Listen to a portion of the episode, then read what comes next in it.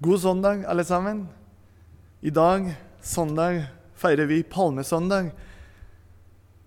Og det er et navn vi kristne har satt på søndagen, som innleder påskeuken. I alle evangeliene i Det nye testamentet forteller om denne dagen. I Matteus kapittel 21, fra vers 8 til 9, vi kan lese det som skjedde den dagen, som egentlig vi feirer i dag. I vers 8 står følgende Og en meget stor folkemengde bredde klærne sine ut på veien. Andre skar grener av trærne og spredte dem utover veien. I vers 9 Folkeskarene som gikk foran, og de som fulgte etter, ropte så ut og sa:" Osiana, Davids sønn, Velsigne være Han som kommer i Herrens navn. Osiana i det høyeste. En stor folkemengde når Jesus ri inn med nesel esel inn i Jerusalem. Og de ropte Osiana, som betyr egentlig 'Vi trenger hjelp'. Frelst kommer. Osiana, Osiana, ropte de. Og det er ofte nettopp dette vi tenker på palmesøndag. At Jesus ble hyllet som en konge, og at han en uke senere visste at han faktisk er kongen. Han er kongen med makt over døden, kongenes konge. Men det er en ting som jeg vil dele med dere. Er det, tenker vi på den surrealistiske og veldig spesielle situasjonen Jesus sjøl hver i da dette skjedde?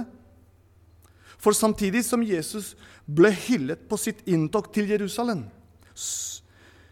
så hadde han den forstående uken i tankene sine. Mens han fikk palmegrener og kapper lagt foran seg, og folket ropte Hosiana, Hosiana, så var Jesus fylt av vishet om at den neste uken ville være fullt av smerte og pinne. Og det er dette jeg har stoppet litt opp for. Å fortelle dere det som Gud har lagt i hjertet mitt. For er det mulig å tenke seg kampen Jesus gikk gjennom mens dette skjedde? Tenk på de tankene som kom inn i Jesus' hjerte når han kom inn og hørte alle disse store folkemengdene rundt han og begynte Hosiana, Hosiana.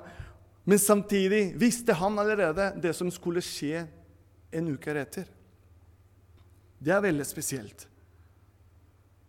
Han møtte en folkemenn som var i ektase over at nå kom kongen, som skulle fri den fra romene.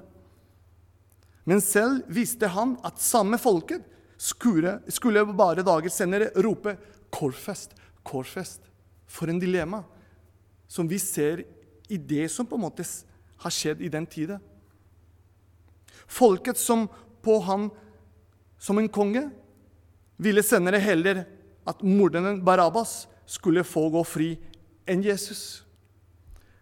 Av og til tenker jeg at det er utrolig at Jesus kunne holde ut med så mange folk som vendte han ryggen.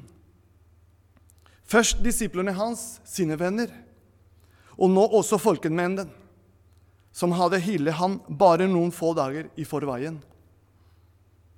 Jeg tenkte at det hadde vært veldig forståelig hvis Jesus hadde ropt ut for en håpløs gjeng de var, og vendt den ryggen tilbake. Men han gjorde ikke det. Men sånn kommer jeg på at det nettopp var folk, slike mennesker, Jesus kom for å dø. Du og jeg. Han var opptatt av at folket omkring han skulle tro på ham, som står i Johannes 11, 42. Det var derfor Jesus kunne be for de som korsfeste han, da han vendte seg til Gud og sa, 'Far, forlat dem', for de vet ikke hva de gjør. I Lukas 23, 34. Folkemengden vinglet, akkurat som vi kan vingle. Heldigvis vingler aldri Jesus. Og det var nettopp for sånne som oss han kom til jorda for å dø på en korset. Det som også er interessant her, er at jeg ser at Jesus var opptatt til å fullføre Guds hensikt i han, enn å, selv, enn, enn å velge å være populær. Popularitet blant folk. Jesus ikke kom for å gjøre oss fornøyd eller populære, men først for å gjøre Guds plan oppfylt, så vi kunne tro på ham, på Jesus, og se Guds plan i livet ditt og mitt. Og Det å fokusere på Guds hensikt gjør at reduserer distraksjoner rundt oss. Det er det ene. Guds hensikten også hjelper deg og meg gjennom smerten som gjorde med Jesus på veien til Golgata. Og Guds hensikten også gir deg og meg mulighet til å ære Gud med ditt liv og mitt liv. Jesus som konge over ditt liv og mitt liv. Påsken rommer både glede og sorg, jubel og klage. Palmesøndag, som er i dag, står som en jubeldag. Likevel barer den dagen med seg alvorlige spørsmål til ettertanke. Og det kan du også med dine hjemme dele.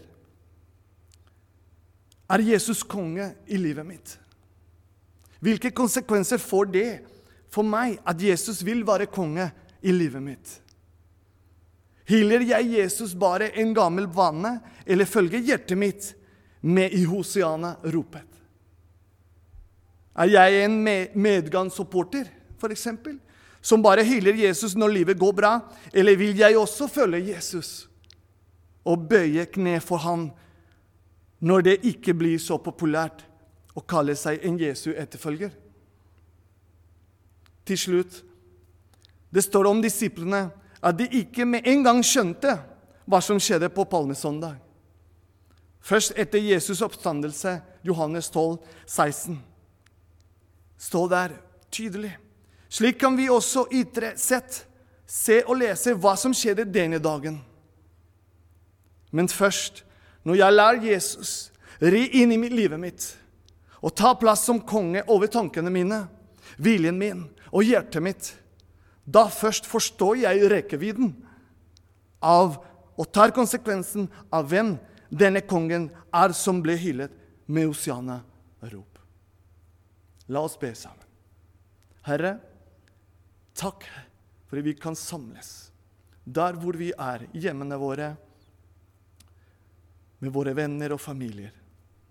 Takk for at vi kan feire og huske det du har gjort på, på korset, og den dagen palmesøndag når du ri inn i Jerusalem og visste på forhånd hva du skulle gå gjennom. Men du gjorde likevel for å oppfylle Guds plan i deg. Takk, Jesus, for at vi kan feire Takk, Jesus, for at vi kan minne det du gjorde på korset. Velsigne hver enkelt som følger oss med, Herre, i disse dagene. At vi kan forstå mer og mer hvem du er i livene våre. I Jesu navn jeg ber om. Herren velsigne deg og bevare deg. Herre, la sitt ansikt lyse over deg og være deg nådig. Herren lovte sitt åsyn på deg og gi deg sin fred. Amen.